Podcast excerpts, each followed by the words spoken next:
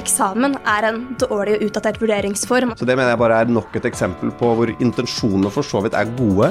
Vil man det? Mener man at det er rimelig? Det er ofte middelklassen som ender opp med å plukke opp den regninga. Det har tatt altfor lang tid å gjøre noe med kjønnsbalansen i de styrene. Misforstått form for likestilling. Ja, det man bare syns jeg er helt sinnssykt å si, Ola. fatter ikke at NHO er med på dette. Her er Stavrum og Eikeland, en podkast fra Nettavisen.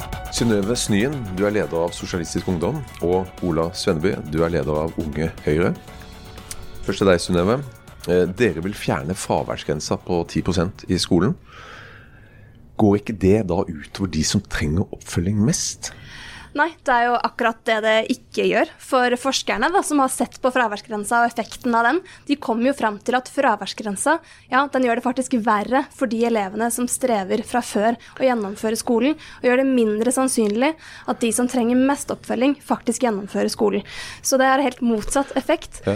Men, men, men lærerne de er jo egentlig veldig for denne grensa. Og de, de føler at eh, de har fått med seg mange av de mindre svake til å faktisk fullføre skolen. Du så bare det når de var på debatten her. Og, og det er jo veldig mange på venstresida som er lærere. Så, så ikke det litt feil, det du sier? Nei, altså lærerne er delt. Og det er jo ikke så rart når det fins så mange lærere at de også er uenige seg imellom. Og jeg kjenner veldig mange lærere som har pekt på at sant, noen skoler de klarer å gjennomføre fraværsgrensa på en måte som gjør at man faktisk klarer å ivareta de med mest behov, mens andre skoler klarer ikke å gjennomføre den praksisen på en god måte. Og da rammer det de som trenger det trenger oppfølging aller mest, når man har en veldig rigid fraværsgrense som gjør at med en gang du bikker viss, et visst antall timer hvor du har fravær, så får du ikke standpunktkarakter. Og da får du heller ikke vitnemål. Og det er et problem, og det gjør at færre fullfører videregående skole. Men Ola, du er jo totalt uenig i dette. Ja, det, er fraværsgrensen har, har jo funka etter formålet. Fraværet i norsk skole har gått ned, og mens man har hatt fraværsgrensen, så er det også en del ting i norsk skole som har gått i riktig retning. Karakterene har blitt bedre, det er flere som rapporterer at de trives på skolen osv. Så, videre. så, så Så jeg mener at fraværsgrensen har vært, har vært uh, riktig. Og så tror jeg ikke vi skal isolere all skolepolitikk til å bare handle om for eller mot fraværsgrensen, men jeg mener kanskje at fraværsgrensen er et eksempel i rekken da, på en tydelig sånn ideologisk skille mellom høyre- og venstresiden. Hvis man summerer opp alt som nå enten fjernes eller etter mitt skjønn reduseres eller gjøres dårligere i norsk skole Man har redusert karakterkravene til lærere, man vurderer nå å fjerne fraværsgrensen, og så er det litt uklart hva Arbeiderpartiet mener, egentlig, det tror jeg vi er enige om. Em, så, så tror jeg vi ender opp med en veldig veldig annen, eh, annen skole, hvor, eh, hvor det er definitivt de som trenger skolen mest, da, som, som mister tilbudet om en eh, kompetent lærer, mister eh, at man blir stilt krav til, og, og, og mister muligheten til å ta en god utdanning. For de flinkeste med ressurs, ressurssterke foreldre, de tror jeg egentlig ikke legger så mye merke til om det er Høyre eller SV som, som styrer, for de klarer seg. Ja, for, for dere vil jo dra den fraværsgrensa enda lenger, og også innføre den i ungdomsskolen. Ja, altså Det er litt misforstått at um, Eller jeg hører helt klart gjort uh, helt på egen hånd, men um, fraværsgrensen kan jo ikke være på den samme måten på ungdomsskolen og på videregående. fordi på videregående går man frivillig, og på ungdomsskolen så må du fullføre. Poenget med å ha en fraværsgrense, eller en type grense for hvor mye du kan være borte på ungdomsskolen, er at vi ser at det er veldig mange skoler som nettopp mangler et system. At det er flere elever som har skyhøyt fravær av ukjent årsak uten at man fra skolens sin side håndterer det. da. Og det er jo det den fraværsgrensen er ment som, at da vil skolen ha en plikt til å kunne innføre en Eller for å følge opp eleven nærmere, slik at det fraværet Men altså, vi vil også ha en plikt til at skolene skal følge opp elever som ikke dukker opp på skolen. Spørsmålet er jo om det er riktig å si at ok, kanskje allerede i oktober så mister du muligheten til å få standpunktkarakter, selv om du kunne levert ekstra prøver, ekstra innleveringer seinere i løpet av året. Jeg syns det er å gi opp da, de elevene som faktisk trenger det mest. Og jeg syns også det er spesielt at eh, Høyre ikke liksom, anerkjenner at forskerne faktisk har slått fast at fraværsgrensa ikke er et godt virkemiddel for de elevene som fra før sliter på skolen og sliter med å fullføre videregående. Det er helt andre tiltak, som bedre, flere spesialpedagoger, flere miljøarbeidere inn i skolen, bedre system for å følge opp fravær, som er løsningen for de elevene som sliter aller mest. Og det står på ingen som helst måte i motsetning til en fraværsgrense. Da tenker jeg at Det burde man helt fint kunne gjøre, og fraværsgrensen er ikke nok alene. Fraværsgrensen er ikke nok alene til å sørge for at uh, elevene møter en god, kompetent lærer med etter- og videreutdanning. Det er ikke fraværsgrensen som sørger for at elevene uh, faktisk har den valgfriheten de burde ha. Men poenget er likevel at for det første så handler det om hva slags klassemiljø man får. At når man har mindre fravær, så får man sannsynligvis et bedre klassemiljø, et mer sammensveiset miljø. Uh, og så handler det også om at når man blir stilt krav til, så ser man jo også at fraværet har falt, og det er grunnleggende bra. Eh, både for resultatene og pga. de som eh, eh, Ja, for de, for de som, som trenger For de som ikke blir stilt krav til hjemmefra, da. Ja. Det er jo egentlig utgangspunktet. Forstår det. Men når vi er innom det å fjerne ting, eh, det, det ønsker jeg å fjerne litt ting i skolen, eh, bl.a. eksamen. Mm. men altså Karaktersettinga den er ulik fra skole til skole. Noen skoler er det vanskelig å få fire og femmer på. Ikke sant? Det er bare sånn det er. Eh, og, og blir det rettferdig når man skal videre inn på universitet og sånn? Altså, vi mener jo bare at eksamen er en dårlig og utdatert vurderingsform. Altså, man har hatt eksamen siden eh, ja, i over 1000 år, og jeg tenker at man bør ha litt høyere ambisjoner da, på vegne av den norske skolen enn å bare ha den samme eh, vurderingsformen eh, år etter år etter år. Når ekspertutvalget som høyreregjeringen satte ned, pekte på at eksamen, den formen man har i dag, den er ikke god nok på eh, kvalitet eller validitet.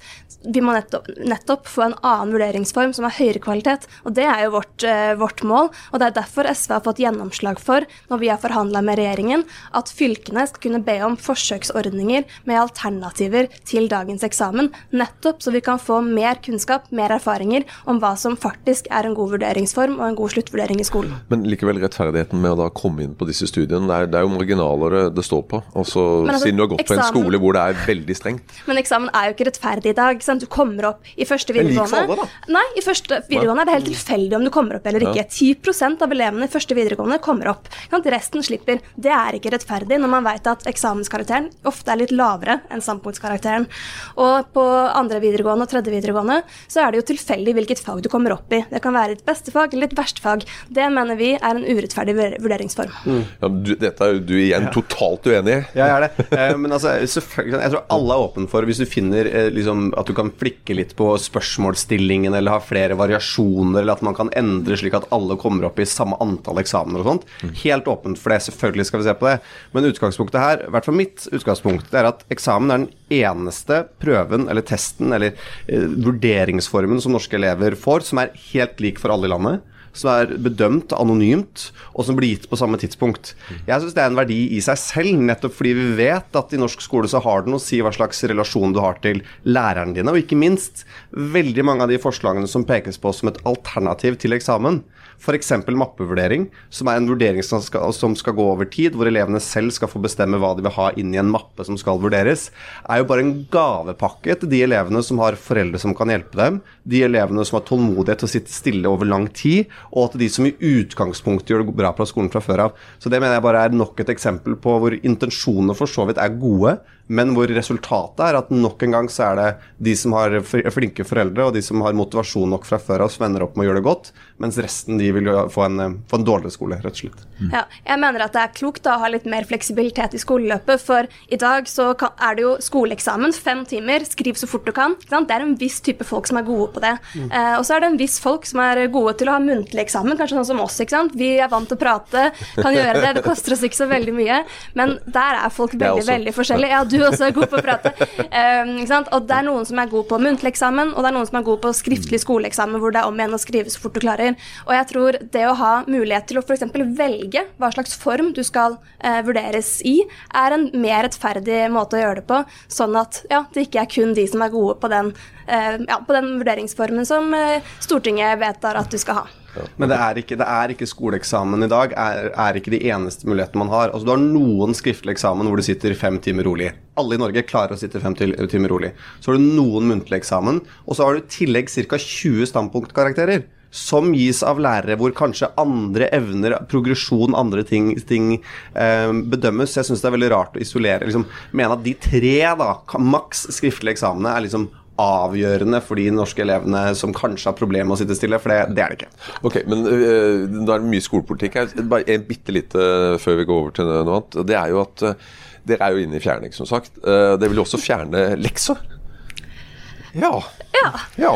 Altså I hvert fall på liksom, barnetrinnet spesielt mener jeg det er ekstra viktig. Fordi de igjen da, forskerne som har sett på dette, de finner at de elevene som har det vanskeligst, de som ikke får hjelp hjemmefra f.eks., de blir faktisk mindre motivert og leverer dårligere prestasjoner hvis de har lekser, enn hvis de ikke har det. Ja. Eh, og det tenker jeg er liksom det viktigste for at skolen faktisk skal kunne utjevne sosiale forskjeller mellom folk. At man ikke har et system hvor de elevene som strever mest, får, får det enda verre, får dårligere motivasjon og dårligere dårlige resultater. Veldig kort svar på det, og så går vi videre. Jeg er egentlig mest bekymra for summen.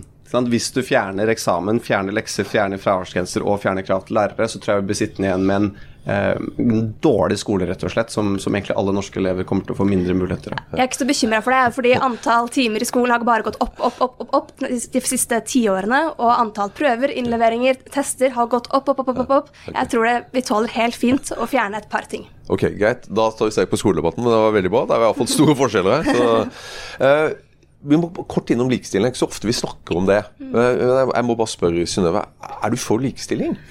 Ja, og det tror jeg Ola også vil si at han er. Ja. ja. Men, uh, men, det er en tanke bak. altså, Dere er ti stykker i, i sentralstyret i SØ. hvor mange er menn? ja, det er litt Ja, det er én som det, det er, er mann. Så, ja. så ni kvinner. Ja. Eh, hvor mange er, er, er, hvite, hvor mange har annen eh, hudfarge? Vi har supplert sentralstyret med en ny antirasistisk leder som har eh, ja. født i Somalia. Ja, så det, det er en. Derfor tenker jeg, er ikke det litt feil? For er det noen som har snakket om likestilling, så er det jo Sosialistisk Venstreparti, Sosialistisk Ungdom i alle år. Ja. Og så plutselig så er det nå Ja, det er ikke noe galt, det er mange, mye bra der helt sikkert, men er, det, er, det, er det riktig? Ja, Det er litt tilfeldig faktisk at det er sånn. Det har ikke pleid å være så få menn i sentralstyret. og Det har handla litt om at noen har gått inn i sentralstyret til Natur og Ungdom, noen har gått inn i Forsvaret. Og jeg tror nok ikke det kommer til å være sånn neste gang vi skal velge et sentralstyre, og det er jeg glad for. For jeg syns man burde ha litt flere menn i sentralstyret. Jeg er faktisk enig i det. Ja. Og, og så Hvis vi da går, går, videre, for nå har det jo faktisk kommet et nytt forslag fra regjeringen eh, i eh, norske selskap. Mm. Der nå vil de ha minimum 40 eh, eh, av det ene kjønn. Ja. Det er ikke redd for da altså Jeg regner med at du er enig i det? Ja. ja. Uh, det er jeg veldig uenig i. Ja, ikke sant? Ja, ja, ikke sant? Har, jeg elsker det forskjell. Men er, du er ikke redd da for kompetansen til styrene i norske selskap? Altså det, er, altså det er jo ikke fordi at uh, det ikke fins Nå er det jo kvinner som det er færre av i mm. styrene. Ja. Det, er ikke, altså, det er jo ikke bevisst, tror jeg, at, at uh, det ikke sitter flere kvinner i, i styrene i norske selskap. Men det, det, går jo på kompetanse, og foreløpig så er det flere kompetente menn enn kvinner. Det vil jevne seg ut, og det jevnes jo, men, men er det riktig da å tvinge inn personer som kanskje ikke er kompetente nok? Jeg tror det er sånn man jevner ut da, den forskjellen i kompetanse. At man faktisk eh, sørger for at kvinner får posisjoner. Og jeg, det har tatt altfor lang tid å gjøre noe med kjønnsbalansen i de styrene, så jeg er glad for at regjeringen nå stiller krav, fordi man har jo jobba med dette lenge, at, men det går altfor altfor sakte. Og så viser jo liksom all forskning som er gjort på og sammensetning av styrer, viser jo at mangfold er positivt. Både basert på kjønn, eh, etnisitet, eh, bakgrunn. Og der har norske bedrifter rett og slett vært for dårlige. Så da er jeg glad for at regjeringen stiller krav. Jeg, jeg synes Det er helt eh, nesten sånn merkelig samfunnssyn. fordi det at man argumenterer med at dette er lønnsomt, så er det egentlig sånn iboende tanke om at men det skjønner åpenbart altså Det regjeringen egentlig sier, er at dette er lønnsomt, men det må vi tvinge de bedriftene som lever av lønnsomhet, til å gjøre, fordi de vet det åpenbart ikke selv. Eh, og Det er en liksom arrogant holdning. Eh, for da antar man jo egentlig da at grunnen til, hvis dette er så lønnsomt som man mener, Eh, samtidig som man ikke har den likestillings- eller den representasjonen av begge kjønn som, som man mener at man har, så antar man jo da enten at de ikke vet sitt eget beste, eller at det er mannssjåvinister, hele gjengen, som ikke ønsker da denne økte lønnsomheten og kompetansen til sine egne bedrifter. Jeg er veldig uenig i dette. For det første så er det liksom langt utenfor, mener jeg, statens oppgave å tvinge private bedrifter til hvem som skal være representert i styret deres, på den måten man gjør. For det andre så mener jeg også at dette er misforstått likestillingspolitikk, fordi at man er ekstremt opptatt av å kvotere inn eh, jenter og damer i den ene enden. Og i den enden så er det ekstremt mange, eller få vellykka menn som nå skal være ekstremt eh, 50-50 eller 40-60 lik- eh, vellykkede menn og vellykkede kvinner. Uten å være tilsvarende opptatt av kjønnsrepresentasjon i andre enden. Hvis man mener at man skal ha 40% i norske styrer, så mener jeg også at man burde gå inn for kvotering i arbeidsoppgaver som i dag er eh, dominert av menn. F.eks. alle som dør på norske arbeidsplasser, det er menn. I hardyrker, er, som er, man er mest utsatt for uh, ulykker, dødsfall, uh, do, hvor det er dårlig betalt, hvor det er vanskelige arbeidsforhold, og som er fysisk krevende jobber, nesten 100% menn. Men der er man på en måte ikke like opptatt av den likestillingen. Og det syns jeg er en feil form for eh, misforstått form for likestilling. For da det man bare syns jobber jeg med den er helt sinnssykt å si, Ola. Jeg synes det er enorm forskjell på å si at du skal ha 40% kjønnskvotering i et styre til et selskap, enn å tvinge folk til å uh, bli liksom snekker eller sykepleier. Altså, det er jo to veldig forskjellige ting. Men da vil jo summen av det samfunnet som man til slutt vil få, vil jo være nettopp da at man kvoterer inn jenter oppover, mens gutta sitter igjen nederst. Og det er litt den tendensen vi ser i samfunnet for øvrig.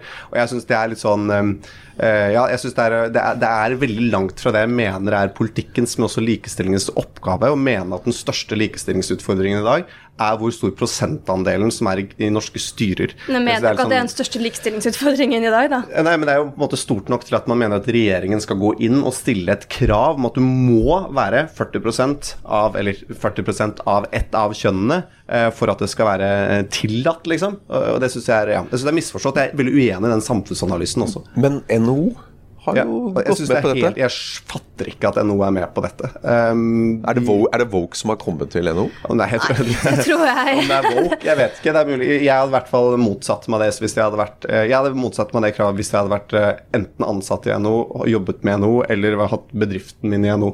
Jeg synes det er eh, Ja, det syns jeg var skuffende, for, rett og slett. Ja, jeg tror det også sier noe om at liksom, dette her kommer til å gå helt fint. Det er ikke liksom, verdens undergang å ha 40% kvinner i et styre. Det tror jeg norske bedrifter kommer til å klare veldig veldig fint. Og jeg tror det kommer til å være lønnsomt. Jeg tror det kommer til å skape et bedre arbeidsmiljø, og det kommer til å skape mer likestilling.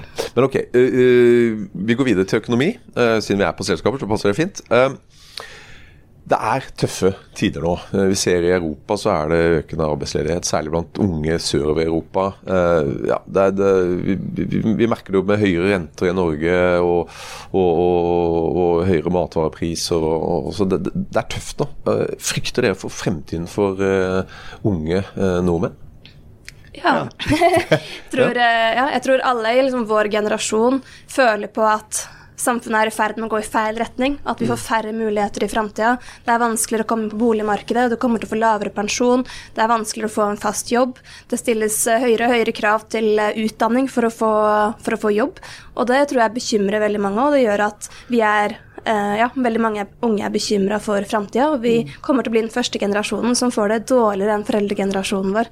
Og det, da er det noe liksom alvorlig eh, på spill, da. Men likevel så vil jo det da kutte olje- og gassproduksjonen i, innen 2030. Det, det, det henger jo ikke på greip, det gjør det? Jeg mener det er klokt av Norge å omstille seg vekk fra olje og gass og over til nye fornybare og grønne arbeidsplasser, nettopp fordi vi ser at Europa er i ferd med å de har jo en plan for å gå vekk fra olje og gass, men det og da flesk. må vi eh, henge på. Ja, men det koster flesk. Det å ikke omstille seg er jo det som kommer til å koste flesk, da. Men hvem er det som tar regninga? Det er jo de unge. Det er ikke de gamlisene. Ja, men det, det som ikke- er den økonomiske risikoen, er jo å ikke henge med i omstillinga. Hvis vi sitter igjen med skjegget i postkassa og sitter igjen med masse olje vi ikke får solgt, så er det jo ikke det som kommer til å være bra for økonomien i framtida. Så, så jeg mener vi må ha et lengre perspektiv. Så du tror ikke vi får solgt olje i 2030? Jo, det tror jeg, vi, ja. tror jeg vi får. Men dette handler jo om at vi må slutte å le lete etter olje og gass. Og at vi må slutte å prioritere olje og gass foran andre grønne næringer. For i dag så har olje- og gassnæringa skattefordeler som den grønne industrien på fastlandet bare kan drømme om, og det burde vært omvendt. Men du er også bekymra? Ja. ja. Nei, altså jeg, ikke, jeg tror jo vår generasjon kommer til å ha det i snitt materielt godt. Vi kommer fortsatt antakeligvis til å bo i en noenlunde eh, suksessfull, vel, eh, suksessfull velferdsstat. Det er ikke sånn at vår generasjon kommer til å gå konkurs. Men Um, det at vi kommer til å kanskje få det verre enn foreldrene våre, i seg selv mener jeg jo litt at man ikke har Da har man ikke bygd samfunnet godt nok, for det burde være et oppdrag at samfunnet alltid skal overleves i bedre forfatning til neste generasjon enn den man overtok det. Men ikke minst så tror jeg det er også ganske skummelt for for samfunnet vårt, det å få en hel generasjon som opplever at de får færre muligheter, som opplever at samfunnet går, går i gal retning, er også oppskriften på en del andre utfordringer som vi får, uavhengig av hvor god pensjon eller økonomi man måtte ha, som f.eks. mer ekstremisme, mer utenforskap. Eh, og det er jo det man ser da i land hvor, hvor utvikling går i gal retning, så er det bare en, en slags en, en turbo nesten for flere andre negative utviklingstrekk. Og det er kanskje det siste jeg er mest, mest bekymra for, da. Jeg ser den, men hvis vi bare tar Norge da, og jo økonomi. eh, altså Vi har vel over 800 000 personer som jobber i offentlig sektor. Eh, mange byråkrater, men også skoler og sko lærere og, og i sykehus osv. Men det er 30% av arbeidsstokken. Ja, I snittet i OECD er 20 eh, og, og Tar vi Nav under ett, så er det vel over 50% av norske befolkning fikk en eller annen utbetaling fra Nav i fjor. Altså, eh, har vi råd til ha så stor offentlig sektor og ha et så stort Nav? Altså, Altså Selvfølgelig har vi det. Altså, sånn, vi jobber jo raskere og raskere, raskere pga. bl.a.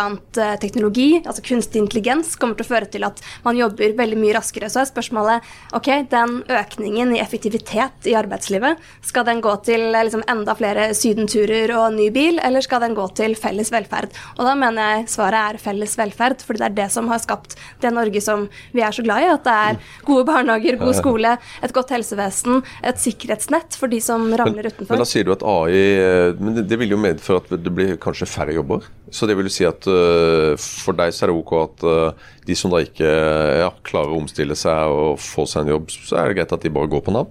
Nei, det er absolutt ikke det jeg sier. Men jeg sier at når vi jobber raskere og mer effektivt, så bør man f.eks. kanskje ha litt høyere skatt. Sånn at man kan eh, ta ut den effektiviteten i, i noe annet. da, At man veksler, veksler rett og slett. Ja, nei, altså jeg tror ikke man kan eh, Eller du spørsmålet ditt først, da, om vi har råd til dette. Så mener jeg at man har flere og flere ting som tyder på at det veldig tydelige svaret på det er nei. Eh, Hvis den samme utviklingen i helsepersonell f.eks. per yrkesaktive skal fortsette i Norge, så må innen ganske få år én av tre i Norge jobbe innen helse. Og det er i tillegg da til økte pensjonskostnader, i tillegg til at vi er, kommer til å være færre i arbeid, og at vi har eh, en stor offentlig sektor og mange velferdsordninger. Og jeg, jeg er ikke med på at det er noe man kan skatte seg ut av, for det er et veldig rart syn på skatt. Det er litt sånn, Da ser man på skatt som et slags basseng, og så kan man ta ut hvor mye penger man trenger, og så kan man legge det tilbake igjen Ja, der. vært noe, men hvordan man, hvordan man bruker skatten, påvirker jo også resten av økonomien. Og det er jo ganske men hva du vil om de som har flytta til Sveits. Men det er jo et netto Selv om formuesskatten er høyere, så vil jo antageligvis økte skattene har gjort at vi sitter igjen med mindre penger uansett. Eh, og Det er en ganske god illustrasjon på at vi kan ikke skatte oss ut av det. Det betyr at vi må ha mer reformer i offentlig sektor. Jeg mener også at offentlig sektor må slanke seg. Og så må vi også kunne bruke alle de kreftene som eh, All den arbeidskraft vi har i landet vårt fra før, da. Altså, for, for du var for uh, å få en grønn omstilling og få mer grønne arbeidsplasser og grønn energi osv. Mm. Men for å få det til, trenger man ikke da eh, innovasjon i næringslivet? Det nytter ikke bare med statlig kapital som skal sprutes inn. Og, og når, når, man da nå tydelig har jaget ut flere av de viktige eh, næringslivsinvestortoppene. Altså Kjell Inge Røkke som har 18 000-20 000 arbeidsplasser i Norge og enda flere, flere ute. Er, er det ikke da Viser ikke det at det faktisk er feil, den, den eh, politikken man kjører? Når man har gått så langt? Altså, Jeg mener ikke det. Altså, Det har aldri vært flere milliardærer i Norge enn det er nå. Nå er alle de 400 eh, øverste på Kapitals liste over Norges rikeste. De har blitt milliardærer. Men er det noe galt i det? en Er det noe galt i det? Det handler jo om at kontrasten da, det er jo at én av ti barn vokser opp i fattigdom i Norge. Vil man det? Mener man at det er rimelig? Men Jeg mener ikke 80 det. av Norges befolkning bor i sin egen bolig, som de eier. Det er, ja. men Hvor mange land kan vise det? Altså I Norge så er det jo mye færre forskjeller, eh, lavere forskjeller enn i de fleste andre land. Det spørs jo faktisk hvordan du regner, da. Ja. Eh, an, altså, hvis du ser på hvor mye formue du har, hvis du tar med liksom, selskaper og sånn, så viser man jo at ulikheten i Norge er omtrent like stor som ulikheten i Storbritannia. Sånn at vi har veldig mye større forskjeller i Norge enn det man faktisk tror. For de fleste, inkludert meg, tenker liksom at Norge er et ja, relativt rettferdig land, et av de mest rettferdige landene i verden. Og det er mange ting som tyder på det. At man har en sterk velferdsstat, at mange eier sin egen bolig. Men skyggesiden er jo nettopp at forskjellene aldri har uh, vokst så fort som de gjør nå. De eksploderte under pandemien, hvor veldig mange fikk mindre å rutte med, uh, og de rikeste dro ifra. Og det samme ser man nå, at økte priser rammer først og fremst de som har veldig lite å rutte med, fordi de har ikke noe å gå på. Så jeg mener at, uh, Og samtidig da, som de rike har blitt enda rikere. Så jeg mener det er helt rimelig å omfordele litt mer fra de som har mest, til de som har minst. Og med SVs opplegg så vil jo faktisk alle som tjener under 800 000 få mindre i skatter og avgifter. Så jeg syns det er en helt, en helt, grei linje å legge seg på. Dette er jo ikke du enig i, Ola? Nei, altså veldig ofte når man snakker om at man skal omfordele mer, så er det de som Det er, det er liksom det er, ikke, det er folk som også har mye penger, men det er ofte middelklassen som ender opp med å plukke opp den regninga. Man sier det hver gang. Nå skal vi innføre arveavgift for de rikeste. Og så er det de som arver hus som ender opp med å betale det. For de rikeste de har gode advokater som kan skatteplanlegge. De stikker fra landet hvis de kan. Um, og hvis de vil. Uh, og da er det på en måte mm, ganske vanlige folk da, som ender opp med å, å betale for, for uh, ja, betale, betale for skatteregningen, egentlig. Uh, og utgangspunktet her syns jeg er litt spennende. Det er jo Synnøve snakker som om det er en motsetning med at vi har mange milliardærer og en velferdsstat. Jeg mener at en av årsakene til at vi har en velferdsstat, er at vi har mange milliardærer. For det betyr at vi har et samfunn hvor det er relativt lett å lykkes. Hvor det er relativt lett å kunne bidra og skape arbeidsplasser. Eh, så det at vi har rike mennesker, er jo ikke en motsetning til at vi har en velferdsstat. Det er snarere tvert imot en forutsetning for å kunne gjøre det. Og så tror jeg alle er enige med at, det, at det er, eh, man må gjøre det man kan for å forhindre økt barnefattigdom. Men økte barnefattigdommen i Norge henger jo ikke sammen med at Kjell Inge Røkke har blitt rikere den økte barnefattigdommen, hvert hvis man ser, som for øvrig falt i 2022 eller 2021 Hvis man ser den økte barnefattigdommen f.eks. fra 2017 til 2021, så handler det i all hovedsak om økt innvandring fra ikke-vestlige land. Og så betyr ikke det at ok, da er det bare innvandrere, da går det greit. Men det betyr at eh, da må man eh, legge inn politikken der det faktisk har noe å si. Da. Det handler jo ikke om at Kjell Inge Røkke skal betale mer formuesskatt, det handler om norsk kurs, kurs, og integrering. Ja, Men det handler jo også om at man må finansiere da. økt barnetrygd f.eks., som SV har fått gjennomslag for nå. Nå øker barnetrygden med 3000 kroner i året. Vi bruker to milliarder på økt barnetrygd for å bekjempe barnefattigdom.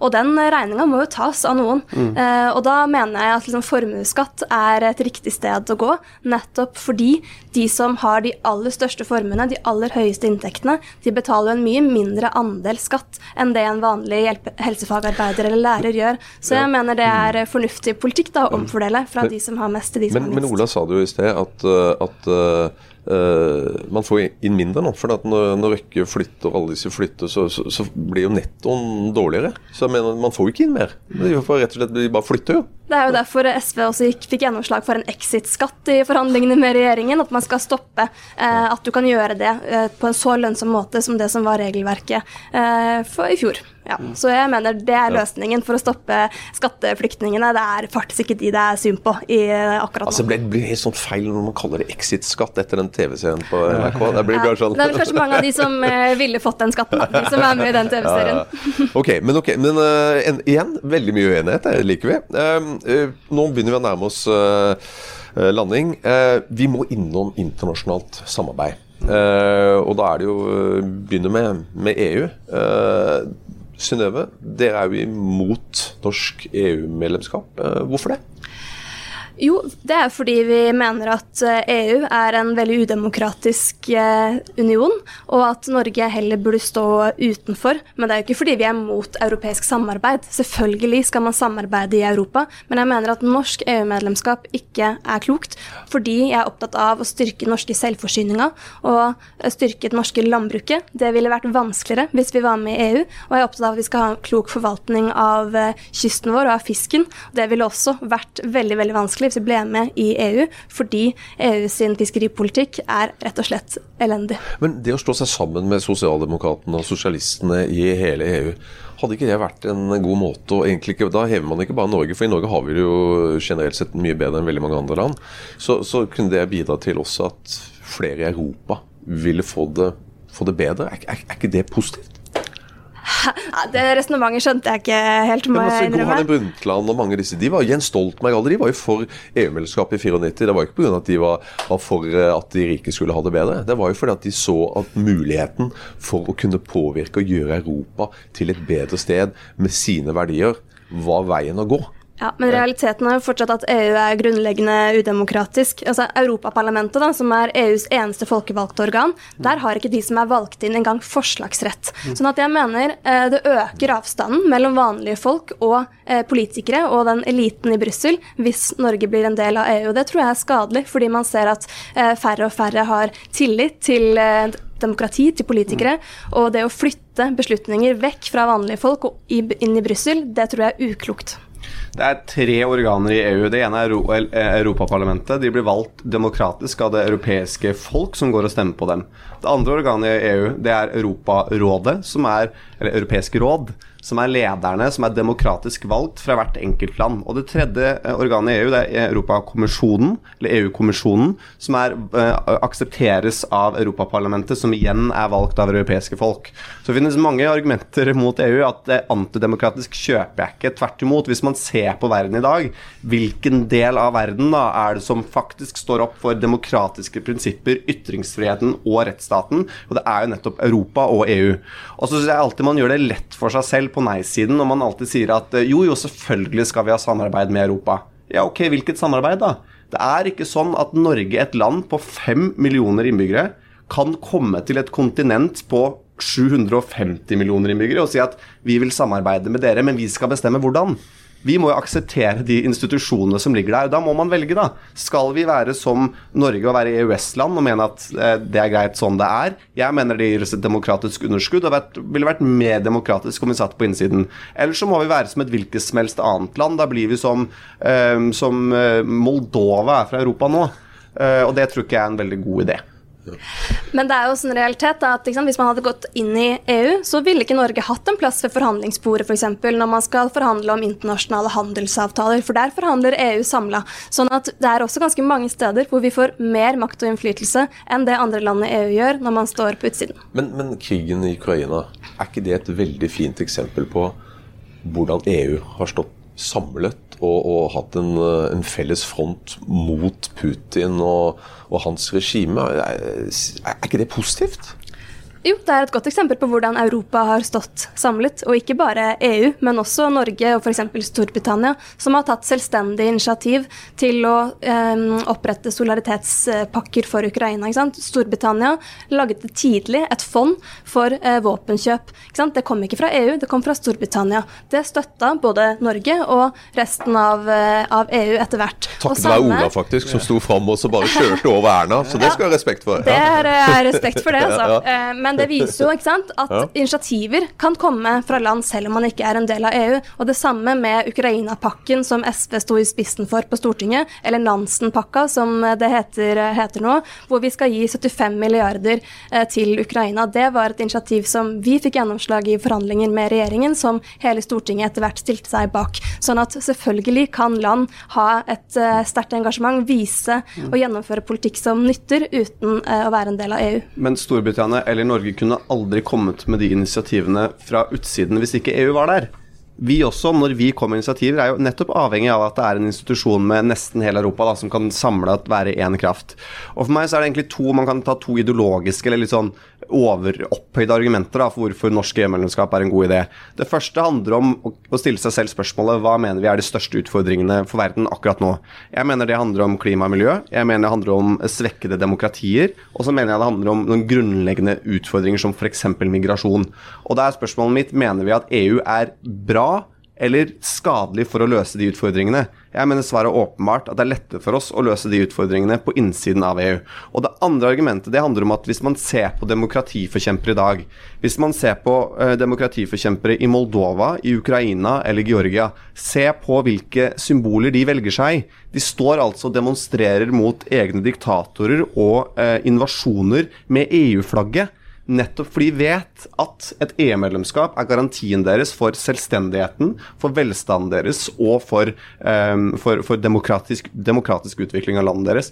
Og det, om da i hvert fall uh, man er mot norsk EU-medlemskap, så bør man i hvert fall erkjenne den kraften for, for demokrati og selvstendighet som EU faktisk er. Men Nato, vi må jo innom det også. Ja, det er jo noe dritt, syns jeg meg. altså Det, ja, det er i hvert fall eh, vært knytta en del utfordringer til norsk Nato-medlemskap. Bl.a. at det har ført til en alvorlig svekkelse av norsk forsvar, fordi man har eh, investert i f.eks. jagerfly som har vært så dyre, koster to milliarder kroner per fly, fordi man valgte det flyet for å gjøre USA fornøyd, heller enn å velge svenske fly som ville vært mer egnet til å beskytte Norge. Sånn at det er jo en realitet at Nato-medlemskapet også har gjort uh, at man har svekka norsk forsvarsevne. Okay. Men, uh, Men har ikke Nato gjort Norge tryggere? Nato eh, har jo gitt oss en sikkerhetsgaranti, og jeg er for at Norge skal være en eh, del av en forsvarsallianse. Og SV har jo også nå eh, snudd i spørsmålet om Nato og er for norsk Nato-medlemskap. Men ikke SV, dere er mot? Vi mener at et nordisk forsvarssamarbeid ville tjent Norge bedre, fordi eh, Norden har flere felles interesser eh, i å beskytte nordområdene, og spesielt eh, våre havområder, og at vi ville stått sterkt sammen med resten av Norden. Men når Sverige og Finland nå forhåpentligvis da egentlig er på vei inn i Nato, så ser jo vi også at det samarbeidet i Norden nå bør skje både innenfor og utenfor rammen av Nato. Men det er en stor mulighet til å styrke det nordiske forsvarssamarbeidet, for Norden har veldig veldig veldig lenge nå vært splitta forsvarspolitisk, og det har vært en stor svakhet for Norge. Ja, altså, jeg er for det første veldig glad Det er en del som latterliggjør det. Jeg syns det faktisk tjener eh, SV godt at de har orientert seg når verden faktisk har forandret seg. Mm. Og så kan man godt være liksom overlegen og si sånn ha-ha, dette har vi visst hele tiden. Men det er jo faktisk bra at Hva var det jeg sa?! Sant? Men det er den arrogante ordningen. Men jeg, jeg syns de skal faktisk ha kudos for at de har gjort det. fordi at det er noen spørsmål som er viktigere enn ideologi, og landets sikkerhet er en av dem. Eh, når det er sagt, da, jeg syns det er veldig rart når man hører Nato-motstandere Um, som veldig ofte sier ja, men vi har også måttet gjøre ting. Sant? Ja, vi måtte kjøpe amerikanske jagerfly, ja, eller vi måtte ta det valget, eller det har fått påvirkning for forsvaret vårt. Så er mitt utgangspunkt at selvfølgelig, det er ikke sånn at Norge kan sitte og være en passiv mottaker av forsvarsstøtte fra USA, Frankrike, Tyskland, Storbritannia uten også måtte gi noe. Men det er jo det som er hele poenget med en allianse. At noen gir dette, noen gir dette, og sammen så skal man være en stor nok kraft til å være avskrekkende og kunne forsvare hele territoriet. Og det mener jeg at den balansegangen, den eh, Jeg tror man skal være veldig forsiktig for å mene at Nato har vært et minusregnskap for Norge. Sant? Vi har brukt penger på velstand istedenfor å oppfylle 2 %-målene. Det er altså amerikanske skattebetalere i stor grad som har stått for sikkerheten i Europa. Se på Ukraina nå. Sant? Amerika står for over halvparten av våpnene som blir til Ukraina. Eh, og det har en kostnad. Eh, så, så, så, jeg mener at ja, Men der har jo faktisk Erna vært litt, litt dårlig. Eh, hun styrte ja, åtte år. og hang etter deg. Bare så Dessverre så har det vært en trend i hele, hele Vest-Europa, egentlig, siden murens fall, at man ikke har brukt nok på Forsvaret. Um, og den regningen betaler man nå. Um, og, jeg, og, jeg, tror også at um, i veldig mange da, uh, sine, sine uh, måter man dømmer at det går liksom nord og ned i USA, så skal vi tross alt ikke glemme at de opprettholdt sine forpliktelser overfor oss. Uh, de brukte penger der de kunne brukt det på noe annet, men valgte å opprettholde et stort forsvar som vi tross alt nå nyter ganske godt av. Og så er det masse ting med USAs utenrikspolitikk og måten de har brukt forsvaret sitt på, som, som jeg, som jeg deler med Synnøve. Men likevel, for oss akkurat nå, så skylder vi amerikanske skattebetalere en takk. Jeg tror bare ikke vi bør være for avhengig av USA sin støtte. For mm. Donald Trump f.eks. stiller til president igjen. Han har så tvil om mm. om, USA fortsatt skal være en del av Nato. Så vi bør eh, orientere oss mot våre naboland, også mot Europa. Og den, jeg er bare redd for at uten den utenrikspolitiske debatten og debatten om sikkerhetspolitikk blir litt sånn, litt sånn intellektuell latskap, da, hvis man ikke tør å gå inn i diskusjoner, hvis man heller latterliggjør SV f.eks. om Nato-standpunkt, enn å faktisk ta de debattene om mm. Ok, hva slags spenning skal vi ha eh, på norskegrensa langs eh, Russland? Hva slags folk-til-folk-samarbeid skal man ha? Hva slags eh, forhold skal vi ha til atomvåpen? Det er spørsmål som fortjener en seriøs debatt, og ikke bare tullete overskrifter og latterliggjøring. Det er jeg enig i. Ja, jeg tror også at Det viktigste vi kan gjøre for å bli mindre avhengig av USA, og jeg tror Europa, eh, USA også vil eh, orientere seg litt bort fra Europa også, er å bruke mer penger på eget forsvar. Du fikk Stavrum og Eikeland, en podkast fra Nettavisen.